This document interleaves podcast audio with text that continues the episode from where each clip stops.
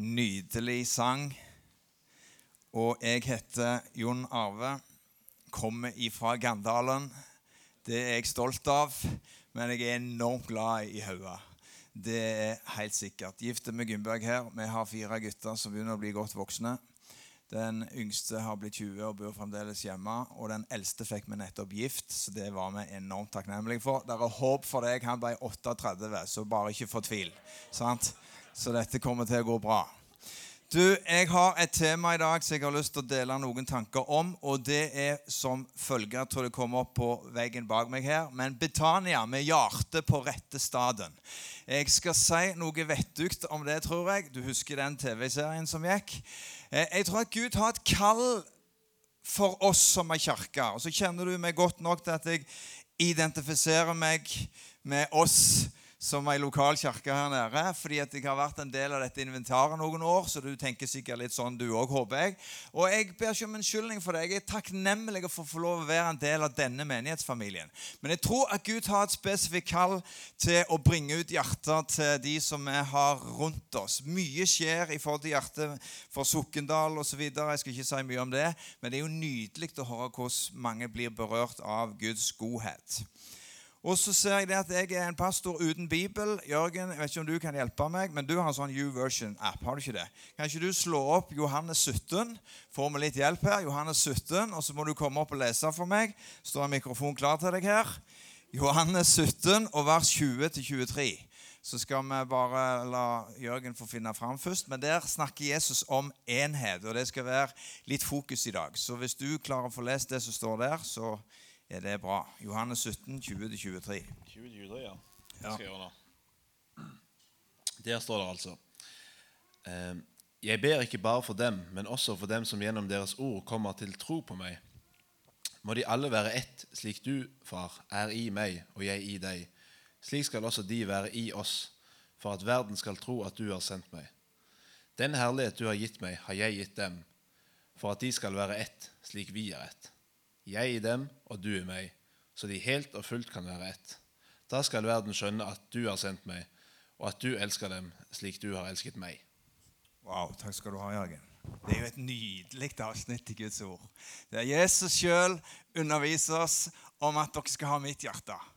Dere skal få lov til å oppleve at dere blir en enhet. Og når dere lever i enhet, så kommer min herlighet. For han sa at den herlighet som jeg har gitt, som jeg har fått fra min far, den kommer over dere når dere lever i enhet. Og du vet noe om det, du, for du har vokst opp i en familie.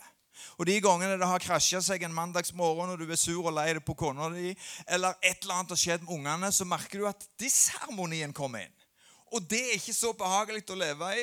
Noen ganger har dere til med kjørt til Betania her og vært en del av en familie. Og du kjenner at du er egentlig litt pissed og lei deg på kona di. Ungene er du òg sur på, og du er litt gretten. Men idet du kommer inn døra der, så klarer du å ta deg nok i sammen til at du ser passelig åndelig ut, så ingen kan avsløre at du har drevet deg litt ut. Velkommen til virkeligheten. Det er bra å snakke litt sant om livet, fordi det er der meg og deg er av og til med livene våre. Så snakker Jesus om noe fantastisk her. Enhet er Jesu hjertelag. Hvordan skal vi få dette til, da? Vet, Apostelgjerningene 2 så står det at de var samla i én akkord. Du har de gode akkordene på pianoet, så det er nydelig selv om de består av flere toner. Denne akkorden som gjør at det er godt å være i sammen, med enhet, er noe fantastisk. Men det betyr ikke at vi går i samme uniformen. Trenger ikke kle oss i samme klesstilen osv. Disiplene var jo forskjellige. Så enhet handler ikke om å kjempe for å tenke selikt se likt på alt. Sann enhet krever jo faktisk forskjell. Og Det er interessant når du studerer dette i et bibelsk lys. For Matteus 19,6 sier, og der taler Jesus om ekteskapet, at de er sammenføyd av Gud. Ikke like, men sammenføyd til en enhet. Og så vet du, Jeg har snakket mye om meg og Gymbøg, og jeg skal ikke bruke mye tid på det nå, men vi er jo veldig forskjellige. Jeg har sagt det til deg at Tar du en personlighetstest, sånn som vi har gjort av og til, så fikk vi noen voldsomme aha-opplevelser, for hun hadde alle de bokstavene som ikke jeg hadde. Det kan jo bli veldig truende. Fordi vi er jo så voldsomt forskjellige. Men det kan òg bety at Gud hadde en baktanke med å gi meg ei kone som var skrudd sammen annerledes enn meg. Jeg finner jo ut, det har jeg også sagt til deg før, hva jeg tenker når jeg snakker, og du snakker på innpust og utpust. For det, det, er meg. Gunnbjørg snakker ikke for å ha tenkt seg om. Vi er altså forskjellige i måten å være motivert på. Men enheten mellom oss består ikke i enigheten. Den består i at Gud har satt oss i sammen, og vi skal fungere som et mangfold i enhet. Det er det som er familie, og det er det som er kirke. Så la ikke forskjeller true deg. Enhet tolererer ikke forskjeller. Den feirer forskjeller. Hør på det. Den feirer forskjeller. I familien, i menighetsfamilien, i slekta. Og det er det som gjør enhet vakkert. Nå må Du du skal få opp et vers bak her. Dette er et utrolig bra vers. Står oversatt fra Hverdagsbibelen, Efeserne 4,2. Jeg får litt hjelp her. Og der står det i starten Gjør anstrengelsene. Ja, Det hørtes slitsomt ut. Jo, men vi, må jobbe for noe i familien. Aha. Vi må altså investere. Vi må gjøre anstrengelsene som skal til for å bevare åndens enhet gjennom fredelige samband. Hver og en av dere har et ansvar for å se til at dette blir til. Fordi dere er én kropp av troende. ikke det nydelig? Så Vi leser de fra en litt annen oversettelse, for det får deg til å tenke. for deg som har lest Bibelen mye. Så det betyr altså at vi gjør anstrengelser. Hvorfor gjør vi anstrengelser? For å bevare åndens enhet i fredelige samfunn, sambånd. Og vi har et ansvar. Jeg har et ansvar, og du har et ansvar. Du har et ansvar i familien din, og du har et ansvar i kirka di. Halleluja. Vet du hva? Dette er viktig fordi det er noe av grunnfundamentet for å se at Kirka går inn i en tid av blomstring. Jeg tror at det er sånn at Guds ånd fører alltid til at vi lar oss forsone med Gud og hverandre. Og Guds ånd forener oss i fredens sambånd på tross av forskjeller. Og så er det noen som jeg prater litt med. For det er klart at Kirka er mangfoldige. Du kan reise rundt forbi og du finner ut er vi på vei til den samme himmel, eller hva er det vi holder på med. Fordi at vi kan være enige om alt mulig og uenige om alt mulig. Og jeg tenker mange ganger Noen kommer til meg og sier ja, men det er jo noe som er sant. Og Jeg skal komme litt tilbake igjen til det. For sannhet ble jo ekstremt viktig for noen. Jeg sa ikke det. Jeg sa ikke at det ikke er så viktig for meg. Det er viktigere for Gumbe, for hun er skrudd sammen sånn. Hun er glad i sannhet. Betyr det at jeg ikke er det? Nei, jeg er, jeg, jeg er litt mer pragmatisk, hvis du kan si det sånn. Og så sier Jeg jeg tror jeg òg tilhører Kristi kropp. Jeg sier ikke at sannhet ikke er viktig, men jeg sier at sannhet kan bli tatt ut av en sammenheng, og så blir det et eller annet som splitter oss istedenfor å forene oss. Jeg skal komme litt tilbake igjen til det. For du ser at den kristne menighet som meg og deg tilhører, er ikke bygd på enighet, men er bygd på pakt.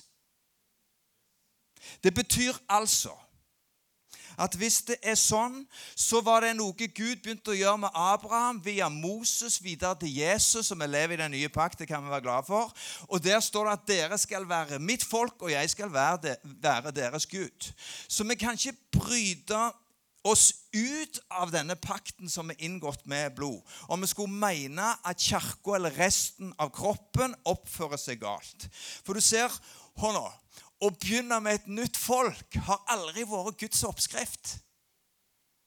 Meg og deg er på en måte kobla sammen med blodsbånd gjennom Jesus Kristus. Og dette paktsforbundet som Jesus inngikk med sitt folk, eh, eh, det, det varer ved hele tida. Vi kan ikke bryte oss ut av dette. Det er jo derfor når du sa ja til kona di, så fikk du en ring på fingeren, og så lovte du på død og ære å leve sammen med henne til døden skilte dere. Du vet, Denne paktsforståelsen er jo helt ute av vårt sekulære samfunn. Så lenge det smaker meg men egentlig så syns jeg nabokona er bedre. Vet du, Da får du et problem. og det har jeg også snakket mye om før. Så det betyr at pakt må vi komme tilbake igjen til. Gud kaller oss inn i en pakt med han. Og vi er dundrende uenige noen ganger. Helt til jeg får rett.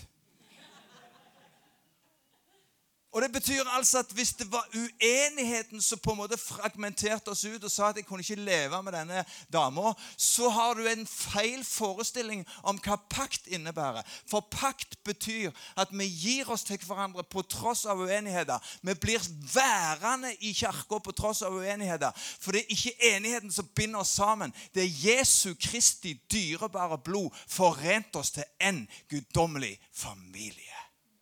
Wow. Herre, jeg ber om at vi skal bare få se dette, for det vil hjelpe oss, Gud, til å ikke la oss fragmentere. Et individualistisk menneskesyn, eller menighetssyn, jeg vil bedre å si, eksisterer ikke i Bibelen. For du kan ikke bare lese Bibelen med deg i sentrum. Men vi gjør ofte det nå med våre individualistiske briller. What's in it for me-brillene. sant?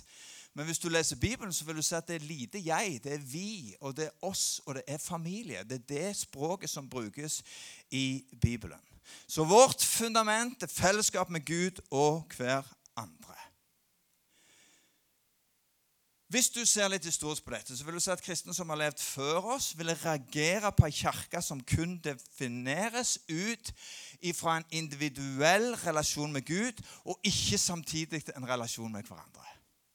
Og Det er det som gjør at jeg, og Nå skal ikke jeg si hva som har gått galt i Hilsa, men jeg ser det, for jeg prøver å være litt menighetsdoktor rundt forbi. Og jeg ser noe av disse utfordringene vi har pga. et så ekstremt individualistisk syn. Så vi klarer ikke å dra dras nær hverandre når de vanskelige tingene kommer. Jeg ser det i familiene. Jeg kunne levd av det, og levd godt av, og bare sittet med alle disse som slåss. Fordi vi finner ikke ut av livet med hverandre. Men Gud, jeg har en lengsel etter å se at vi våger å bøye oss ned og begynne å vaske føtter på hverandre. Bibelen har et helt annet språk. Bibelens språk er forsoning. Bibelens språk er dra seg nærmere. Bibelens språk er tilgivelse. Når alt handler om meg og min mening, så gir det grobunn for frustrasjon med en gang vi ikke er helt enige. Bare hør på den. Det er det som skjer. Men menighet er ikke meg i sentrum, men vi og oss i sentrum på tross av meningsforskjeller. Jeg skal si bitte litt om åndelig klatring. fordi at eh, Det tror jeg vi har en tendens til å se i noen sammenhenger. Allerede på 100-tallet begynte flere røster innen kirka å utvikle det vi kaller for gnostiske tanker, eller gnostisisme. Og Valentinus i Roma han levde fra 100 til 160, kalles gnostisismens far. Og Han tok utgangspunkt i Paulus sin undervisning om ånd, sjel og kropp. Og det Han gjorde, det var at han sa de åndelige det er de som besitter dypere innsikt eller gnosis, kunnskap, i den sanne åndelighet. Jeg er litt mer åndelig enn deg. Og så er det de sjelige, det er litt mer sånn vanlige kristne, som ikke forsto helt at de var skikkelig åndelige. Og så var det disse blodhedlingene som var ut forbi, de legemlige, altså blinde hedninger. Det var de tre gruppene han delte de opp i. Og gnostisisme har i seg å stige fra det jordiske, kjødelige til en stadig renere åndelighet. Bare følg meg litt på den tanken. For Vi har sett noen tendenser til det i noen kirker som blir litt mer åndelige enn de andre. Og Så utsettes vi for sånne tanker i 2020, og så kan det splitte oss i de åndelige og de uåndelige, eller de gode kristne, de som er mer åndelige enn de andre. Og så kan vi utvikle nedlatende holdninger overfor de som er på utsida, eller de som ikke er så åndelige som meg. Og de første kristne nå, avslørte den tanken som en fiende. Ja, men skal vi ikke vokse i åndelighet? Vi skal komme tilbake igjen til det. Men når min egen åndelige innsikt får meg til tro at jeg er bedre enn mine brødre og søstre, så plasserer det meg på nullpunktet i etterfølgelse. For det kommer inn det Bibelen kaller et åndelig håmod. Og Hovmot ødelegger fellesskapet i kirka fordi den tror seg å være bedre enn. Så betyr ikke det at det ikke fins grader av åpenbaring, men du skal få et vers på veggen bak oss her. Kolossene 3, 15. Jeg tror på åndelig åpenbaring, men ikke som ender i hovmot. Kolossene 3, 15, men viktigst av alt bli prega av kjærligheten. Wow. Det er den som på fullkomment vis binder mennesket sammen. La Guds fred hvile i hjertet og tankene deres. Han vil at dere skal leve i fred med hverandre i menigheten. Bli prega av diskusjoner. Bli prega av stridslyst. Bli prega av 'jeg har sett sannheten'. Bli prega av kjærlighet. Sa dere det? For Paulus visste om dette. Han visste at det kom til å fragmentere familier i Kristi kropp hvis ikke vi var observant på dette. Sliter du med ufred og relasjonsutfordringer, pugg dette verset, begynn å leve av det. Fordi det er skrevet for 2000 år siden, men det er like kraftfullt i dag. Det er et eller annet som skjer i livene våre når vi våger å la oss ydmyke under Guds ord. Du ser Hårmot var sykdommen som herja menigheten i Korint, og Paulus var uvanlig skarp. Kommer ett vers til, eller to vers opp her bak meg igjen. 1. Korintene 8, 2-4. Denne her gnostisismen, sykdommen av hovmod, tok Paulus tak i. Han skriver med en kunnskap, altså gnosis, blåser seg opp. Men det rette svaret derimot kommer fra et ydmykt hjerte. Kunnskap kan til og med være direkte nedbrytende, mens en kjærlig innstilling Husker du Kolossene 3.15? Preget av kjærlighet. Alltid er av det gode. Sann kunnskap får man først når man bøyer seg for Gud og erkjenner at det er bare Han som er virkelig jeg tror dette taler til oss som menighet. Det taler til oss som familiefedre. Det taler til oss som enkeltpersoner. At vi må våge å skjønne at vi er kalt til en helhet. Vi er kalt til en familie.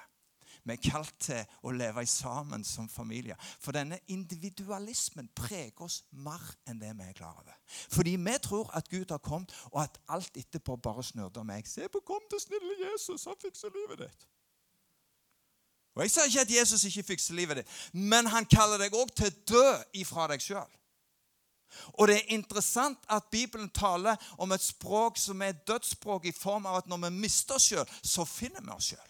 Og det er et budskap som passer veldig dårlig inn i en individualistisk tid. Men det er Bibelens språk, og det vil redde deg fra deg sjøl. For når du begynner å snurre rundt deg sjøl, så vil alt måles i den målestokken, og til slutt så vil du renne ut i periferien. Du kommer ikke dra deg mot sentrum og bli helbreda. Guds tanke er fellesskap og familie.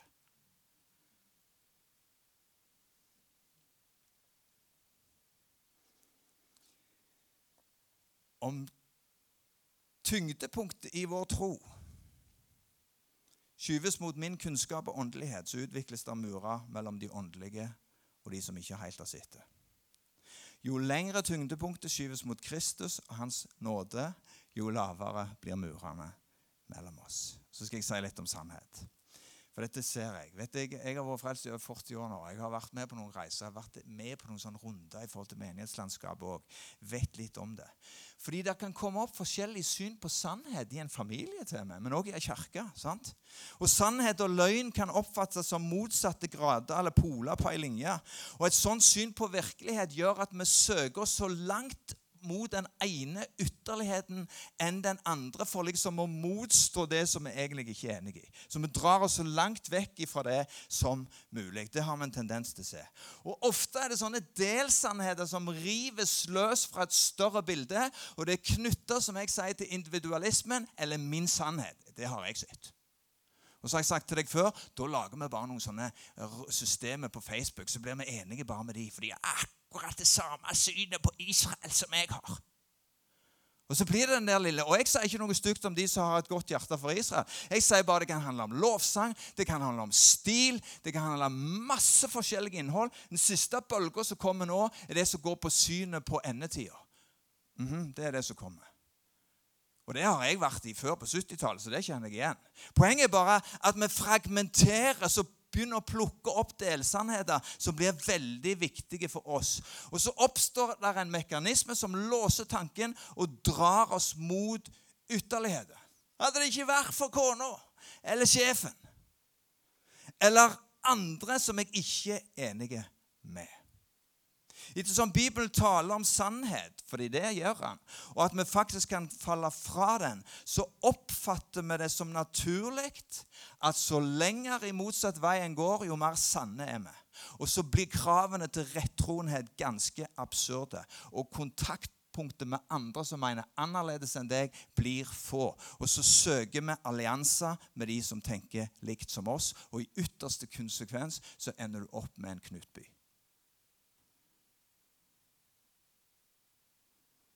Sier ikke jeg at jeg ser tendenser til det, men jeg ser tendenser i mitt eget liv. Jeg ser tendenser til at jeg så lett kan tenke meg at jeg har rett. Og så ser jeg litt mindre tendens til at jeg bøyer meg ned og sier vet du hva, jeg er villig til å vaske føtter. Jeg er villig til å si vet du hva, jeg ser deg som min bror. Fordi at vi ikke er enige om alt, men én ting er vi enige om. La oss forsone og dras mot sentrum i Jesu Kristi kors. For det er den bibelske oppskrifta. Det er den bibelske oppskrifta i familien din, men òg i menighetsfamilien. Søker en derimot noe som forener, så kan det til og med oppfattes som feighet og kompromiss mot sannheten. Min sannhet. Og så blir det hele et svik mot saken. Og dette mønsteret går igjen i alle ytterliggående bevegelser og sekter. Og når jeg vokste opp på 60-tallet, så var det jo helt andre ting enn det som vi slåss for nå. Da var det hatter og fioliner og skjørtelengder og smykker og leppepomade og whatever. Det var det som foregikk da. Men vi skal passe oss, for det kan være andre ting som kommer inn i kirka vår i dag. Og så lager vi så høye terskler at det som Kurt snakker om, faktisk blir vanskelig for oss. For vi skjønner ikke at Jesus kom for å dø for langt flere enn oss som sitter her. Wow. Herre, jeg ber om at enheten skal få lov å fylle både dette rommet og familiene våre og kirka vår, sånn at vi skjønner at det er noe som er viktigere enn å ha rett og det er å gjøre rett.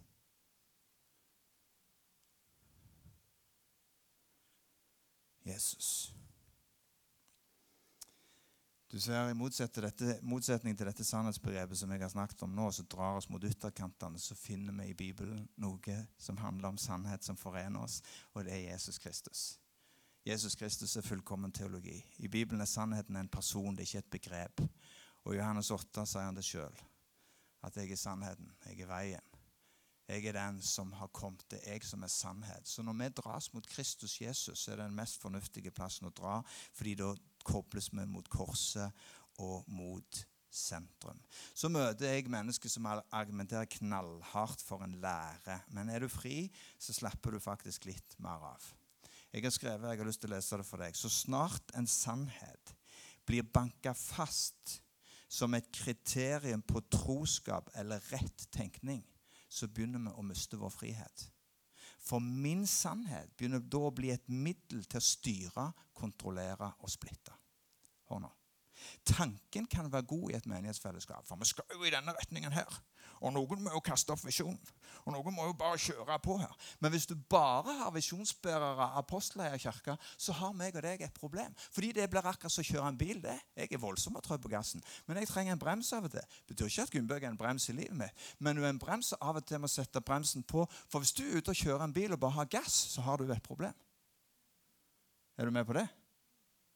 Så bilen er utstyrt med en clutch som av og til letter litt på trykket. Det er en brems der, det er et styre der. Og det er det Gud hadde tenkt i sin forsamling. Derfor så må en apostolisk motivasjon som meg ha hyrder rundt meg. Jeg er nødt for å ha andre motivasjoner som stopper meg, tar tak på en måte i trøya mi og sier nå roer du deg bare helt ned. Det er sikkert bra, det er det du har kjent, men vi trenger å dra hele kirka med oss i dette. Det er ditt oppdrag som mann i din familie. Du er mann der, og du er satt der som en vegg der, men du trenger i sannhet ei kone som modererer og kanskje justerer. Og Av og til kan det slå opp på sitt, for det er mulig det er hun som er apostelen i kirka di, og trenger deg som en hørde der. Mitt poeng er at vi trenger hverandre. Wow. Det er så viktig å forstå. Fordi du kan ha en idé om at du har sett noe, men det er summen av det vi ser, som gjør at vi kan gå dypere, bredere og høyere. Fordi det er i sammen med de hellige vi forstår det Gud har kalt oss til. Dette skal vi bli gode på. Dette skal vi bli gode på. Halleluja. Det er stilt her i dag. Er det det? Går det bra med dere? Får jeg ti minutter så er jeg i mål? Wow. Du vet, Faste er en god ting. Men blir du skikkelig radikal, så blir ikke faste godt nok. Vi må faste mer. Bønn blir til ikke vi godt Vi faste, men be mer. Og så gjenoppdager vi sannheten, men har en tendens til å sette de i sentrum istedenfor Jesus Kristus. Farlig. Og Dette har jeg sett mange ganger i løpet av mine 40 år som kristen. Og jeg siterte, og jeg skal gjøre det igjen Jeg gjorde det på bibelskolen vi hadde åpning på Link. Du husker jo denne prekken, du, eh, Jørgen. Det var Abba Poyman, og han sa som følge Det var en av ørkenfedrene. Ja, skal du sitere katolikker nå? Det er noen tenkende katolikker òg. Bare hør meg. Han sier som følger Alt som overdrives, er fra demonene. Skal få tenke litt på den. Kanskje du våkner med han i morgen tidlig. Ikke for å skremme deg, men for jeg, jeg har en tendens til å se at når vi begynner å overdrive ting, og det blir så voldsomt, så sier han alt som overdrives, er fra demonene. Og hvorfor skal jeg si det? Og hvorfor sier jeg det? Jo, fordi Jesus Kristus står midt i kirka, ikke i ytterkanten. Og vil vi ha med han å gjøre, så må vi bevege oss mot sentrum. Fordi han motsetninger holdes i sammen, i stedet for hele tida å bevise at jeg har rett. Jesus forener og frigjør oss til et forsona mangfold. Bare smak på det. Forsona mangfold. Sannheten kan nemlig ikke skilles fra kjærlighet. Og Så fort sannhet løsrives fra Jesus og behandles som et frittstående standpunkt, så har meg og deg et problem. Og Samtidig så ser vi ofte at kjærligheten begynner å mangle. Og min observasjon på det De mest rettroende jeg møter, smiler minst. Og Ole Martin i vårt styre sa ikke på en måte tro for mye på de som har slutta å smile tror jeg også jeg har sagt det dere før. Men det er et bra råd. For det er et eller annet som skjer i et menneske som blir så veldig nidkjært. Og dette er sant, og jeg kan ikke gå i den kirka, for de er litt ute og sykler der. Og de har til og med samarbeid med noen som ikke vi liker. Og så forsvinner smilet og kjærligheten. Du kan ha rett. Du kan til og med ha bibelsk rett, men like fullt ta dundrende feil. Fordi det viktigste av alt mangler i livet ditt, det er den kjærligheten som forener og binder oss sammen til en kropp. Var Jesus enig med Judas?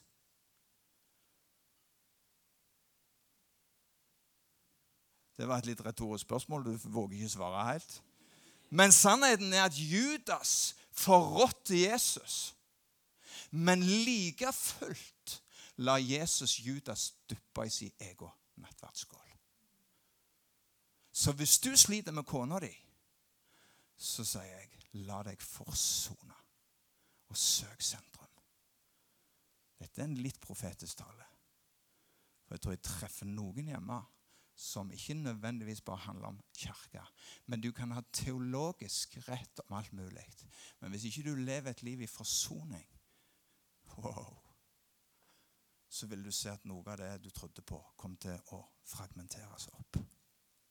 Så Jesus forener og frigjør oss til et, forson, eh, for, forsona mangfold, som jeg sier. Og, og, du kan ha rett, men likevel gjøre feil fordi kjærligheten mangler.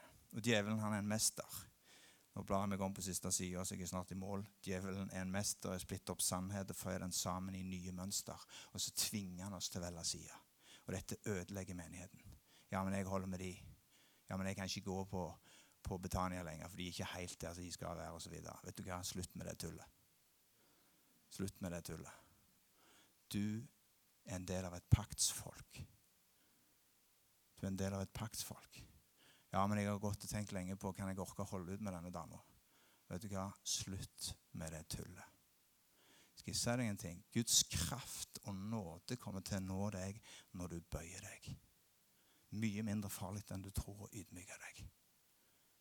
Hvis du går og ser på en kornåker på Jæren, så finner du ikke ett kornaks som bærer mye aks når det står rett opp. Men det er når det bøyer seg, at kornet fyller akset. Til mer du bøyer deg Ja, men jeg vil ikke bli ei dørmatte. Det tror jeg ikke kommer til å være ditt hovedproblem. Ditt hovedproblem er stolthet, for du tenker at det er jeg som har rett, og hun som har feil.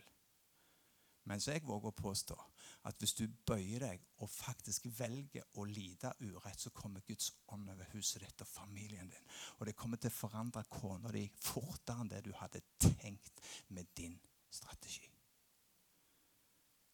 Her jeg bare ber for oss at du hjelper oss til å søke sentrum og søke enhet.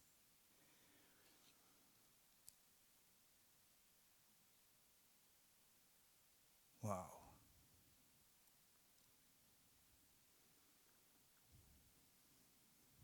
Jeg hopper over det. Jesus.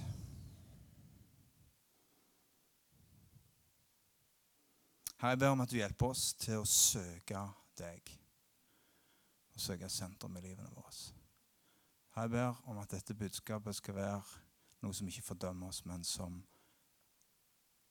wow, oss. Omvendelse er mindre farlig enn vi tror. Jesus, Herre, jeg tilber deg. Jeg satt i samtale med en mann for mange måneder siden. Og jeg hadde vært på han med noe i livet hans som i utgangspunktet han burde ta tak i. Men det var så mye bitterhet og frustrasjon i livet hans at han klarte ikke å gjøre det. Og dette handla om litt om et par som sleit. Så er meg og Gunnberg på vei hjem. Elin, du kan bare komme og sette deg på pianoet.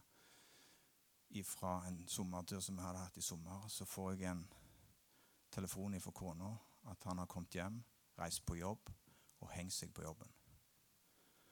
Og så bare slo det gjennom meg som bølger av Gud. Jeg, jeg, jeg var ikke tydelig nok. Jeg kunne gjort annerledes. Og så bare hører jeg Den hellige hånd sier at hvis ikke vi er villige til å ydmyke oss, så kan ikke jeg komme til med den nåden som helbreder oss. Hør nå. Vi er i ferd med å utradere ordet omvendelse i Kristen-Norge.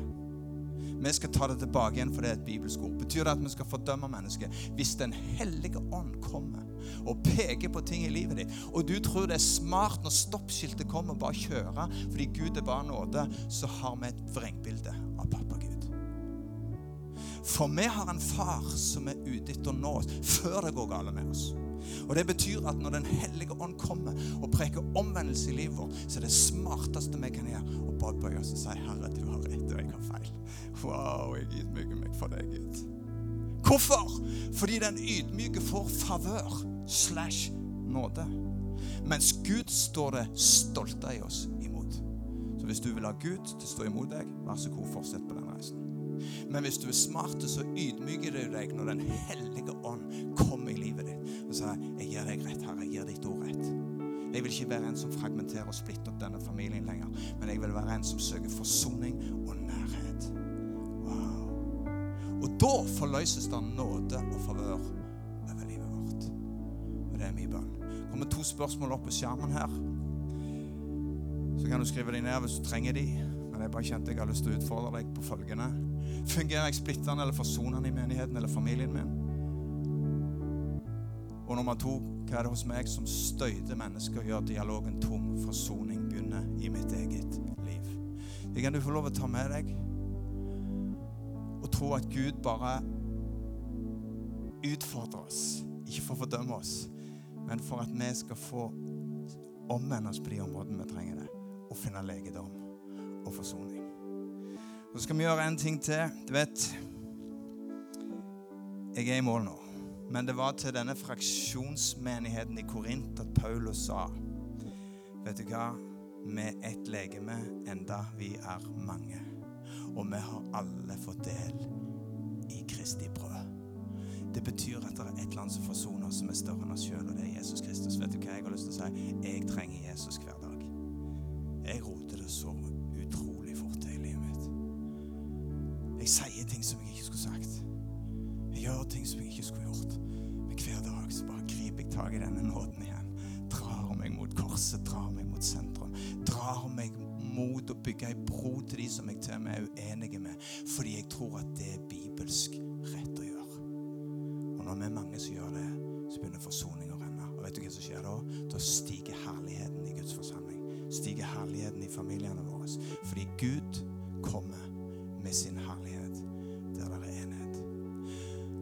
Jeg har lyst til at vi skal bare reise oss. Fordi jeg har lyst til å utfordre oss menn til bare å gjøre en ting. Jeg så det fordi at jeg opplevde det var en sånn profetisk handling vi skal gjøre. For at I 1. Timoteus kapittel 2 og vers 8 så sier Paulus at mennene på hvert sted løfter hellige hender. Hvorfor? Jo, fordi at vi ikke skal leve i splid og i utfordringer med hverandre. Jeg tror at Gud kommer til å gjøre noe med mennene i vår tid. Fordi mennene har av og til blitt litt passivisert i en litt feministisk kultur. Unnskyld meg, jeg sa ingenting negativt om det. Men vi har blitt litt sånn, vi, vi har trukket oss litt tilbake. Og kvinner må drifte kirke, og kvinner må stå i fronten for masse ting. Jeg har ikke problemer med det. Du kjenner mitt hjerte. Jeg elsker damer, forstår meg riktig når jeg sier det. sant? Jeg har ikke problemer med å si at kvinnene har en plass. Men hvis mennene ikke tar sin plass i kirka, så er det en vegg. Så kunne ikke vi som menn bare løfte hellige hender sammen? Er det ok? Så ber vi bare ei profetisk bønn. Løft begge hendene til Herren, og så skal jeg bare be ei bønn. Alle menn, opp med hendene. Det gjør ingenting om du ikke har gjort det før. Stå der, så får dere damer være med og bare be sammen med meg. Men Herre, nå ber jeg om at vi skal få lov å si tid der mennene reiser seg i kirka di, Gud. Her er det noen av oss som har et behov for å be om omvendelse, så gjør vi det nå. Vi omvender oss ifra det, Gud. Og så bare sier vi, Herre, la meg være de som søker forsoning og enhet. Først og fremst i min familie, men òg inn i denne kirka. Det er vår bønn. Herre, jeg ber ei profetisk bønn over alle menn. La det bare bli et sigma, et stigma på omvendelse og forsoning i denne kirka. Skulle det være noen som holder noen imot noe, så la vi gå til vår bror og la oss forene. Det er vår bønn. Jeg bare ærer deg for over ditt folk skal det komme ei herlighetssky. Skal bare si tid av enhet i din forsamling, langt utover det vi hadde trodd var mulig. Vi søker oss mot korset og la oss forene på denne felles troen av at Jesus Kristus er død, og han har oppstått igjen for våre synder. Jeg velsigner hver mann og hver familie i dette huset i Herren Jesu navn. Og alt folket sa. Amen.